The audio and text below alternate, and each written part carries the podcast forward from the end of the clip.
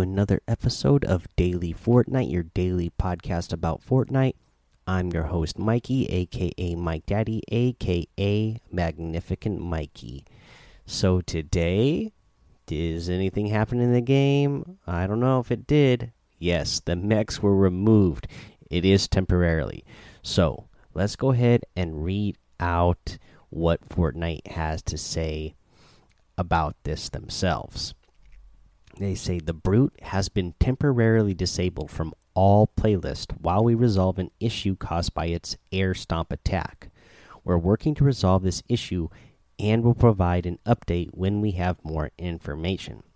So if you guys didn't see this, uh, it was posted in the Discord uh, as well. But SypherPK, uh, and he posted this to Twitter, but he encountered an in-game situation, and then he went into the replay mode to confirm this. But he he encountered a situation where he was fighting against a mech, and the mech stomped on him. He was the fight was going okay, fight was going fine, and then the mech stomped him, stomped on him, dealing him damage.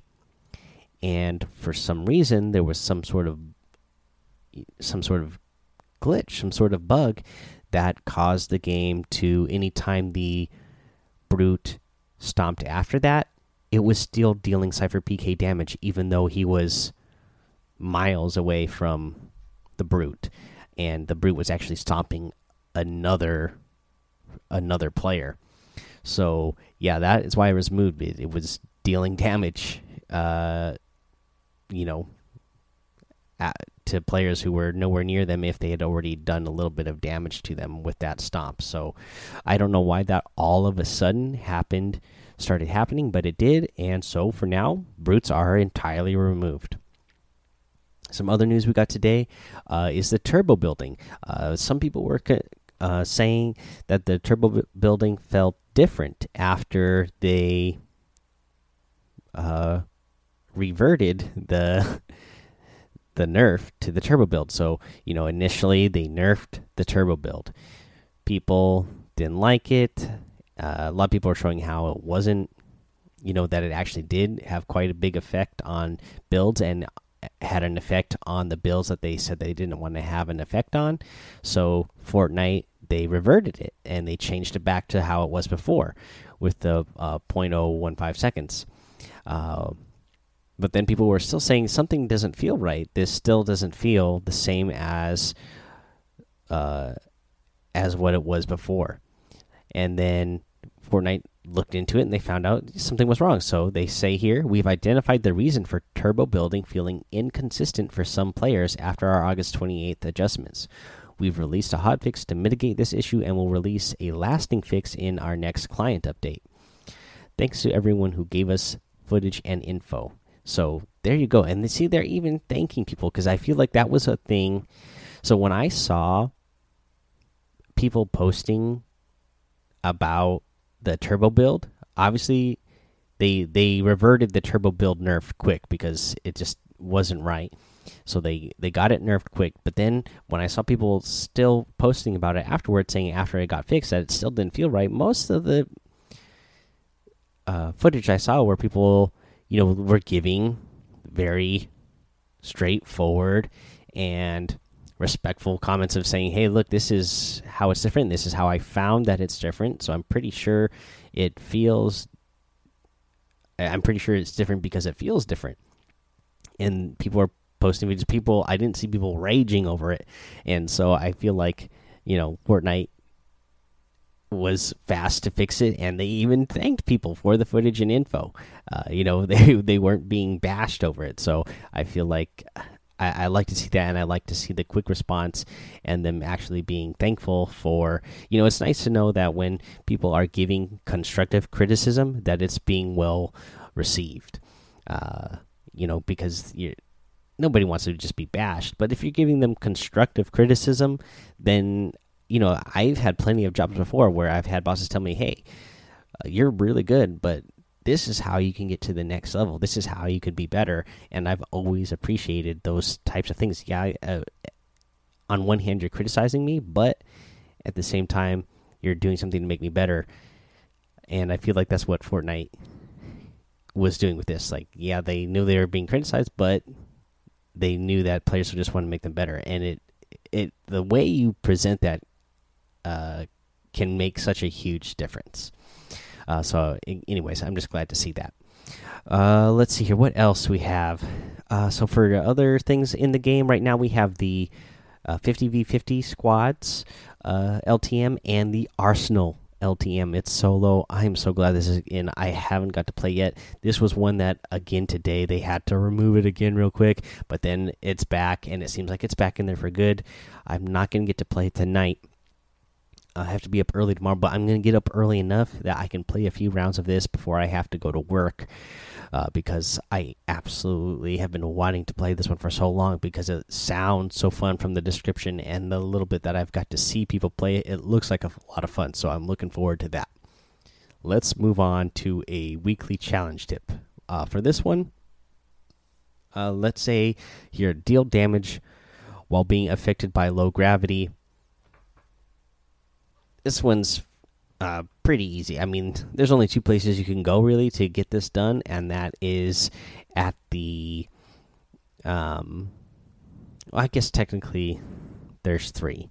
Uh, there's two places that are permanent that you can get it done, and that is the meteor that is suspended there in the sky and Loot Lake. The third place that you could go is where the old soccer field used to be. You could get potentially pick up pop rocks there and deal damage to somebody. Uh, but the best place to go for this is going to be at Loot Lake because a lot of people go to Loot Lake. Uh, not a lot of people are landing on that meteor, and not a lot of people are landing at the old soccer field location. I'm finding and when because the couple times that I've gone there, I never see anybody there. Uh, so the only time I ever saw people there was like the first day when they had the challenge there where you had to forage the items there. And uh, other than that i don't ever see anybody there. So for this challenge go to loot lake. Uh, you know you can even get this easily done in uh, team rumble. I i notice team rumble uh, a lot of times when i've been playing lately the circle you know, because the circle always some ends up somewhere split down the middle of the map. So I've I've been noticing a lot of times I've been I've been getting uh, Team Rumble matches where part of the circle ends up in Loot Lake. So uh, you, you there's a potential again. It's not a guarantee, so you might have to play a few Team Rumble matches to get a circle that goes around it. If you're looking to just get this done quickly in one match, then I would suggest you know go solo, but definitely go Loot Lake. All right, guys, let's take a little break here. Come back. We'll go over the item shop and our tip of the day. All right, let's go over this item shop today. A lot of items in the item shop. We have that Hime outfit in the item shop. Absolutely love that one. The Musha outfit as well. The Cat's Claw harvesting tool and the Perfect glider. We have the uh, the doggo outfit. This one I absolutely love. I know Echo Bucket in Discord. this is one that he doesn't like, but I still absolutely love this outfit. I love the doggo outfit. Um, you have the chew toy harvesting tool and the rough wrap as well. Uh, you still have the catastrophe outfit, which came out yesterday. That is still in the item shop today, still looking as good as ever, and the jagged edge harvesting tool as well. Uh, we have the Dare outfit uh, in the item shop today, the Clean Groove emote, the Taffy wrap, the Bouncer emote, the Anarchy Agent outfit, and the Hang On emote. This is a new emote described as let's just talk this out dot dot dot. Uh, so yeah your character is obviously looking like hey calm down like relax like let's you know talk this out. So uh, you know fun little emote there. If you guys are going to get in these items in the item shop today, I'd really appreciate it if you use that creator code Mike Daddy M M M I K E D A D D Y in the item shop because it does help support the show. And don't forget, if you get control right now, I get like double the amount if you get the control on the Epic Game Store.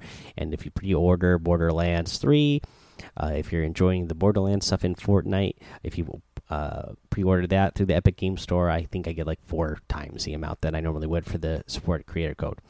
So thank you guys for that. Now let's get to our tip of the day. And right now, for now, temporarily, we don't know how long this is gone. Uh, the the brutes, the mechs, they are gone. So get in there, play the game. That's not the real tip, but we are going to do a tip, uh, kind of based around mechs being out of the game. So right now, since the mechs are out, uh, you know, just in general, this season movement is it's it's pretty iffy. You know, we we only have the hoverboards, and uh, there are some areas where you can get rifts, but you know, anytime you land at the edge of the map right now, you're taking a pretty big risk of having to travel pretty far. So, you know, you're gonna have a lot safer travel now. Uh, you won't have to run worry about running into mechs as much. So, I, the tip really would be, you know, make sure you're when you're landing out on the edge of the map that you are landing somewhere where you know that there's hoverboards nearby so that you can travel easily or that there's rifts nearby so you can travel a little bit more easily if you have to go really far. But also uh, right now i know a lot of people weren't landing around edges of the map because they didn't want to have to travel so far because they were afraid of running into mechs. I would suggest uh, you know try going to that style again uh, because it will get you